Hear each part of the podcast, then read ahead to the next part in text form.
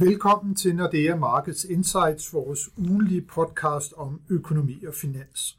Jeg er Helge Pedersen, og i dag er jeg i studiet sammen med hele to gæster.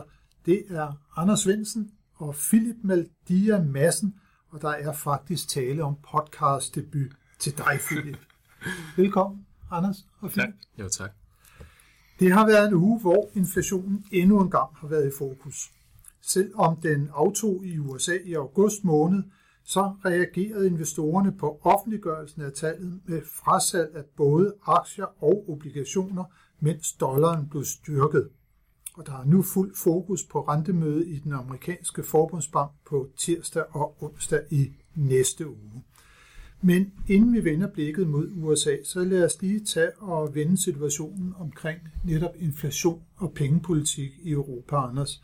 I august der kom inflationsraten jo helt op på 9,1 procent, og ECB reagerede ret kraftigt, satte renten op med hele 3 kvart procentpoint, den højeste rentestigning nogensinde i euroområdet. Hvad var ligesom hovedbudskabet fra Christine Lagarde omkring denne her beslutning? Hovedbudskabet var egentlig ret klart. Det var, at inflationen er for høj. Og øh, det kan godt være, at ECB måske ikke kan gøre det helt store ved dele af grundene til, at øh, inflationen er så høj. De kan ikke gøre så meget ved energipriserne, de kan ikke gøre så meget ved fødevarepriserne, men budskabet var, at de er nødt til at gøre så meget, som de kan alligevel, for at forhindre, at inflationsforventningerne bliver for høje, og at det dermed bliver sådan mere varige effekter, vi får på, på inflationen. Så man er bekymret for simpelthen, at der kommer også anden runde effekter ind gennem forventningsdannelsen, af lønstigningstakten den bliver for høj, og at det så kan føre til en uheldig sådan lønprisspiral, som vi kendte blandt andet tilbage i 70'erne. Ja, det er helt klart det, de er bekymret for. Det havde de også lidt øh, sagt på forhånd, og specielt hvis man hørte den her snappeltal på, på Jackson Hole øh, et par uger tidligere, jamen så var det øh, helt åbenlyst det, som, øh, som, som de bekymrede for. Lagarde gentog budskabet, det var forholdsvis øh, højagtigt øh, fra, fra hende også. Og så var der egentlig ikke øh, den store fokus på hendes forward guidance. ECB har jo ligesom fedt sagt, at de ikke de ikke forsøger at guide. Der er simpelthen så stor usikkerhed, så de tager beslutningerne fra møde til møde. Men hun kunne ikke lade være alligevel, og så sagde hun, at, der ville komme renteforhold på de næste adskillige møder.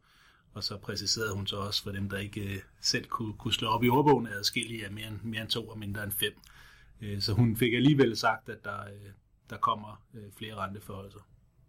Ja, det var sådan en underlig form for en forward guidance til markederne, og mens vi så lige er ved det, der kommer mere end to, færre end fem. Der er også et rentemøde, Anders, her i oktober måned allerede. Der er der jo også forventninger om, at ECB kommer til at så at sætte renten yderligere op med, hvor meget skal vi vente, at øh, Christine Lagarde og company de, øh, går til den der? Ja, det er jo så det rigtig gode spørgsmål, og det var jo noget af det, vi havde snakket lidt om inden, øh, hvor vores pointe jo var, at hvis de ligesom havde sat renten op med de her 75 basispunkter på, på det sidste møde. Og det eneste sådan rigtig interessante, der kommer af information i mellemtiden, det er et inflationstal, som formentlig bliver rigtig højt. Jamen så tænkte vi egentlig, at øh, så kommer der også 75 basepunkter på, på det næste møde. Og øh, faktisk så priser markederne det næsten ind øh, lige efter mødet. Øh, lige nu der er der priser omkring 65 basepunkter, så det vil sige øh, større sandsynlighed for 75 end, end for 50 på, på det næste møde. Og så har der jo været lidt nyheder om, at der måske endda også kommer øh, nogle beslutninger øh, inden da. Det er jo sådan, at ECB mødes jo oftere end, øh, de der øh, hver, hver 8. uge, hvor de diskuterer pengepolitik, øh, men hvor de så ikke normalvis øh, annoncerer beslutninger og ikke diskuterer rente osv. Men der var alligevel en historie ude om, at de her i, i oktober, når de skal mødes øh, for at diskutere andre ting, vil tage stilling til, om de skal til at reducere deres, deres balance. Noget, som først vil blive annonceret senere på året, men, men som jo helt klart er en yderligere øh, stramning af, af pengepolitikken, når det bliver, bliver annonceret. Det må man øh, absolut sige, at det er så altså højagtige toner fra Europa og fra den europæiske centralbank i Frankfurt. Men Philip, hvis vi så vender blikket mod øh, USA og inflationen der, den faldt jo faktisk noget her i august måned. Men hvorfor var det så, at øh, investorerne de reagerede så negativt på den nyhed, som tilfældet var det? Ja, hvis vi kigger på markedsbevægelserne op til inflationstallet, så var de amerikanske aktieindeks jo faktisk steget en hel del, øh, og det er egentlig nok nærmere en korrektion af de stigninger, vi har set efterfølgende. Øh, jeg tror egentlig, at markedet havde forventet, at inflationen ville falde, og de havde måske i virkeligheden håbet på, at den ville falde en del mere. Øh, men der var ikke særlig mange positive nyheder i den seneste print her. Hvis man kigger lidt dybere ind i inflationstallet, så kan man faktisk se, at der i august måned var over 60% af alle 60% af kategorierne i inflationsindekset faktisk steg med over 4% på månedsbasis analyseret. Øh, så det er en meget, meget bredt funderet inflationspres, vi har i USA, og det vidner jo også om, at økonomien stadigvæk øh, er under en meget, meget høj pres. Og det er så den såkaldte kerneinflation, som der er på vej op i USA. Ja. Og det er det, som investorerne er bekymrede for lige nu. Anders snakkede før om, at på Jackson Hole symposiet, der var Isabel Snabel, der var hun højeagtig. Det var Jerome Powell jo bestemt også. Det var Powell også, øh, og Powell lagde faktisk også meget fokus på, at bare det at have et højt inflationstal, egentlig også kan være med til at skabe øh, forventningsdannelser til inflationen, og det er noget, den amerikanske centralbank i ellers højeste grad er bekymret for. Tidligere har de snakket om øh, og kigget på inflationsforventningerne i forskellige undersøgelser og spørgeskemaer fra husholdningerne og virksomhederne, men nu er de egentlig i stigende grad gået over til at kigge på, at inflationen egentlig bare alt for høj. Øh, og der var det altså bare, at det sidste print egentlig ikke faldt nok til at, at lægge presset væk for Fed. Og i USA, der er det omkring forventningsdannelsen, det er jo også, som vi lige snakkede om, sådan rigtig meget med løndannelsen at gøre også. I USA, der er arbejdsmarkedet jo virkelig stramt, og lønstigningstakten, den er høj. Det er den helge. Øh, det vi også egentlig kigger meget på og ser et stort problem og ubalance egentlig i, det er, at, øh, ja, som du selv siger, de nominelle lønstigninger er stigende i USA, samtidig med, at produktiviteten øh, er faldende. Og det, det er jo selvfølgelig noget, der betyder, at virksomhederne kan stå mellem at hæve priserne, hvilket, øh, hvilket data nøgletal egentlig viser, at de har haft en rimelig succes med, eller at sænke øh, produktiviteten, eller sænke produktet, altså outputtet. Øh, og der er det egentlig, vi tror, at der stadigvæk vil være øh, et, et prispres fremadrettet i, i kerneinflationen. Simpelthen fordi produktiviteten lige nu er ved at aftage, og enhedslønomkostningerne de stiger, og Netop. det bliver så væltet over på, på forbrugerpriserne i sidste instans. Netop. Så forbrugerne i USA har jo sådan set været presset i en periode, i og med at, øh, at den høje inflation har udhulet købekraften. Øh, men når vi kigger på de finansielle balancer i privatsektoren, jamen så, så, så har de egentlig været rigtig positive i en lang, lang årrække. Øh, og husholdningerne sidder nok i virkeligheden også stadigvæk med en stor, lad os kalde det covid-19-opsparing, øh, som egentlig nok kan finansiere forbruget fremadrettet i et godt stykke tid endnu. I hvert fald for udvalgte øh, grupper i det amerikanske samfund, fordi ja. der er jo også nogle der, der ikke har så, så stor en opsparing. Ja. Så, men dybest set, så når man kigger på de amerikanske nøgletal, så tyder de jo ikke på, at amerikansk økonomi sådan er på vej ind i en, en større nedtur lige nu. Nej, det, det er bestemt ikke vores hovedscenarie. Øh, når vi skældner imellem øh, lav vækst eller sådan større recession, jamen, så kigger vi også særligt på, øh, om arbejdsløsheden vil stige. Og som vi ser det lige nu, jamen, så tror vi egentlig ikke, at det, det er i hvert fald ikke husholdningerne, der kommer til at skabe en recession. Øh, vi tror stadig at forbruget kommer til at kunne bære økonomien igennem den her svære periode. Derfor så vil der være behov for os. Forbundsbanken i USA den sætter renten yderligere op. Ja, vi forventer jo sådan set i næste uge, at den amerikanske centralbank vil gå ud og løfte styringsrenten med 75 basepunkter. Det vil bringe øh, styringsrenten op til 3,25 procentpoint. Vi ser egentlig en større risiko for, at de kommer til at skulle fortsætte med at, at løfte renten en hel del. Vi tror faktisk, at den skal helt op på 4,5 procent til marts næste år. Øh, og det er fordi, at vi tror, at økonomien egentlig godt kan, øh, kan fortsætte i, i den høje aktivitet, vi ser lige nu. Eller i hvert fald også, som Paul var ude at sige, at øh, vi kan godt håndtere denne her rentestigning og sikre, at der bliver en blød landing i økonomien. Ja. Så, men, men Anders, hvis vi lige prøver en gang at, at sammenligne altså euroområdet og så i, i USA, øh, inflationen godt nok høj, alt for høj i USA, den er på vej ned i euroområdet, der er den fortsat på vej op. Hvorfor ser vi denne her forskel i inflationsudviklingen i Europa og i USA? Ja, vi er jo to forskellige steder i forhold til konjunkturcyklerne. I, i USA, som Philip siger, så er, øh, så er konjunkturerne jo relativt stærke, og, øh, og der er stramt arbejdsmarked og masser af lønpresser. Det kan man også se i, øh, i inflationstallene. Der er en større del af, af den amerikanske inflation, som er egentlig overophedning, hvis vi skal kalde det det. Det har vi ikke i Europa. I Europa er det halvdelen af energipriser, og det er jo selvfølgelig øh, oliepriser i, i første runde, men i anden runde, og her har det jo været elpriser og gaspriser, der, der er steget meget. Og så en, en cirka en fjerdedel af fødevarepriser. Og så er der ikke ret meget andet tilbage. Øh, og så er der selvfølgelig også nogle mere tekniske ting, at øh, det indeks, vi har i øvrigt, det, det tager ikke øh, så meget højde for huslejer, som man gør i, i de amerikanske. Øh, og det gør også bare, at øh, i den her periode, hvor, hvor huslejerne begynder at stige i USA, jamen, så kommer der et ekstra pres øh, der fra, fra huslejerne, som vi ikke rigtig har i Europa. Det er noget, ECB gerne vil have tilføjet til, til indekset, men der kommer til at gå nogle år endnu, inden, øh, inden det bliver tilfældet.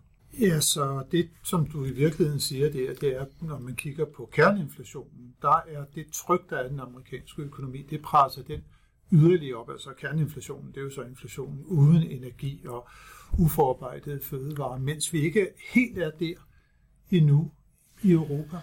Ja, og alligevel er der jo nogle effekter af det. Det er klart, når energipriserne stiger så meget, som de gør lige nu, og fødevarepriserne stiger så meget, som de gør lige nu, så kommer der jo et omkostningspres fra, fra virksomhederne, som gør, at der bare generelt øh, også bliver sat priser op på andre ting, altså serviceydelser. Det kan godt være, at, øh, at øh, frisørens eller bærens øh, elregning eller, eller gasregning, hvis det er det, man varmer op med, er så stor, så man bliver nødt til at hæve priserne alligevel, selvom det er en del af kerneinflationen, øh, hvis man skal sige det på den måde.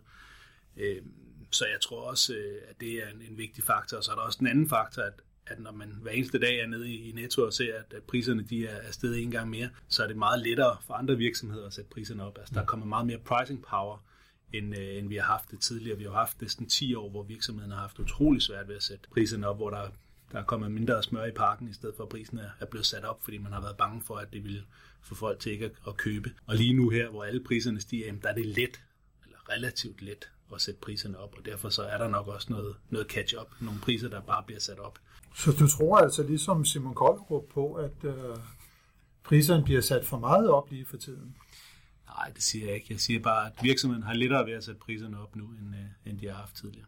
Ja, for jeg tænker ellers, så hvis det er, at der er en overnormal profit, så plejer det jo at være sådan, at den ret hurtigt bliver konkurreret ned igen. Så det er måske bare sådan en midlertidig stigning, der ligger nu her, som ekstraordinært på, på priserne. Men Anders, øh, nu headline-inflationen i, i euroområdet, det er jo den, den er fortsat på vej op, mens den i USA er på vej ned. Skal vi vente, at den kommer yderligere op i Europa øh, her over de, de kommende par måneder? Har vi set toppen med de her 9,1 procent, eller skal vi Nej, vi skal højere op, øh, men det bliver selvfølgelig afgørende, hvor, øh, hvor gas- og elpriserne de, øh, de ender. Det er det, der driver det lige nu, og nu er der jo nogle EU... Øh, diskussioner om, hvorvidt man skal, skal lave cap på, øh, på el- og gaspriser, som, øh, som vi har, har hørt om i dag. Øh, og det er klart, at hvis man lykkes med at komme igennem med det, så vil der komme en, en lavere top, havde jeg sagt. Men der er ingen tvivl om, at det næste tal, vi får, det bliver højere endnu, og vi kan sagtens komme op i nærheden af de 10 procent. Og det gør selvfølgelig også, at når vi kigger ind i oktobermødet, så kommer der endnu en stor renteforholdelse fra, fra ECB. Og den bliver formentlig, som du har nævnt, øh, på 3 kvart øh, procentpoint. Og 3 kvart procentpoint i, øh, i USA, øh, Philip, nu her i, i næste uge. Hvad skal vi ellers sådan lægge mærke til, når det er, at der kommer meldinger ud fra FOMC-mødet? Hvad, hvad er det især, sådan, vi skal lægge mærke til i formuleringerne fra, fra Forbundsbankens øh, råd? Jeg tror, en af de ting, investorerne vil kigge på, det er, om der er nogle signaler omkring, hvad den næste renteforhøjelse bliver. Øhm, og der tror jeg egentlig særligt, at vi kommer til at se, at den amerikanske centralbank virkelig lægger fokus på det sidste inflationsprint, vi har haft her. Jeg tror, at på flere måder så har både centralbanken, men også investorerne egentlig forventet, at nogle af de her kategorier, der har været særlig øh, følsomme under pandemien, vil begynde at aftage. Og det har vi bare ikke set tegn på endnu. Og det er jo bare noget, der betyder, at vi kommer til at se en alt for høj inflationstakt i USA, som igen kommer til at presse den amerikanske centralbank, da de er bange for, at den høje inflation kommer til at skabe forventninger til højere inflation fremadrettet. Så man øh, skal slå til nu, man skal være højagtig i sine udmeldinger. Det tror jeg bestemt, de kommer til. Især for, at man øh, sådan ligesom kan forsøge på at styre de her øh, forventninger til den fremtidige inflation. Det bliver jo super spændende at se, øh, hvordan at det møde det kommer til at og spænde af øh, i næste uge. Vi plejer jo altid også at kigge i det hele taget ind på nøgletal og begivenheder, der er i den kommende uge. Og er det jo faktisk ikke kun i Forbundsbanken, at der er rentemøde. Det er der også i nogle af de andre interessante centralbanker. Vi starter faktisk allerede på mandag, øh, Riksbanken i Sverige, og så går det næsten slag i slag, så har vi Forbundsbanken i USA tirsdag onsdag, og så om torsdagen, der er der møde både i Bank of England og i Norges Bank. Hvad skal vi øh, regne med på, på de rentemøder? Det er et rigtig godt spørgsmål. En af, af de mest interessante, det bliver jo nok i Bank of England, hvor vi øh, endnu en gang øh, bare ser en centralbank, der kigger i nogle inflationstal, der er alt, alt, alt for høje, og derfor så kommer der selvfølgelig også en stor renteforhold fra, fra dem, ligesom der også gør i både Norge og, og Sverige. Og vi regner sådan helt konkret med, at det bliver en stigning på 50 basispunkter. På 50 basispunkter fra Bank of England. Øh, og det bliver så matchet i Norge, hvor vi også forventer 50 basispunkter, men Riksbanken topper det altså med de 75 på samme måde, som vi forventer i USA. Og så er der jo endelig også et super vigtigt øh, økonomisk nøgletal i næste uge. Det slutter faktisk øh, ugen af, og det er PMI-tallene for øh, især euroområdet påkalder sig jo altid kæmpe interesse på de finansielle markeder. Hvad skal vi vente der, Anders? Jamen, det har været under 50 nu i to, øh, de sidste to gange, ikke? Og, øh, og 50 det er jo ikke bare der, hvor at, øh, at der er langsom vækst, det er jo der, hvor der er, er negativ vækst. Så under 2, det er, det, eller under 50, det er negativ vækst. Øh, og det tror jeg, vi kommer til at se igen i, i, i næste måned. Og det er klart, at jo jo længere vi kommer frem, og jo mere pres, der kommer på økonomien fra, fra de her øh, PMI'er og også ISM i, i USA, jamen jo større dilemma begynder de der centralbanker også at få. Fordi lige nu er der nok gang i, i økonomien til, at de kan fokusere på inflation. Men hvad, hvis vi kigger ind i en, bare en mild recession, er det så stadigvæk lige, lige højagtigt om to-tre måneder? Det bliver i hvert fald spændende at se, hvad der kommer af tal fra indkøbscheferne i næste uge, og så, som du siger, efterfølgende, om det er noget, som øh, centralbankcheferne rundt omkring i verden kommer til at tage med ind i deres betragtninger på et senere tidspunkt. Super øh, interessant uge foran os med mange vigtige rentebeslutninger og nøgletal, der altså kan have en absolut øh, påvirkning på de finansielle markeder. Tak, øh, Anders. Tak, Philip, for at være med i dag, og tak til alle jer, som har lyttet med. Det håber vi, at I også vil gøre, når vi er tilbage med nyt fra de finansielle markeder i næste uge.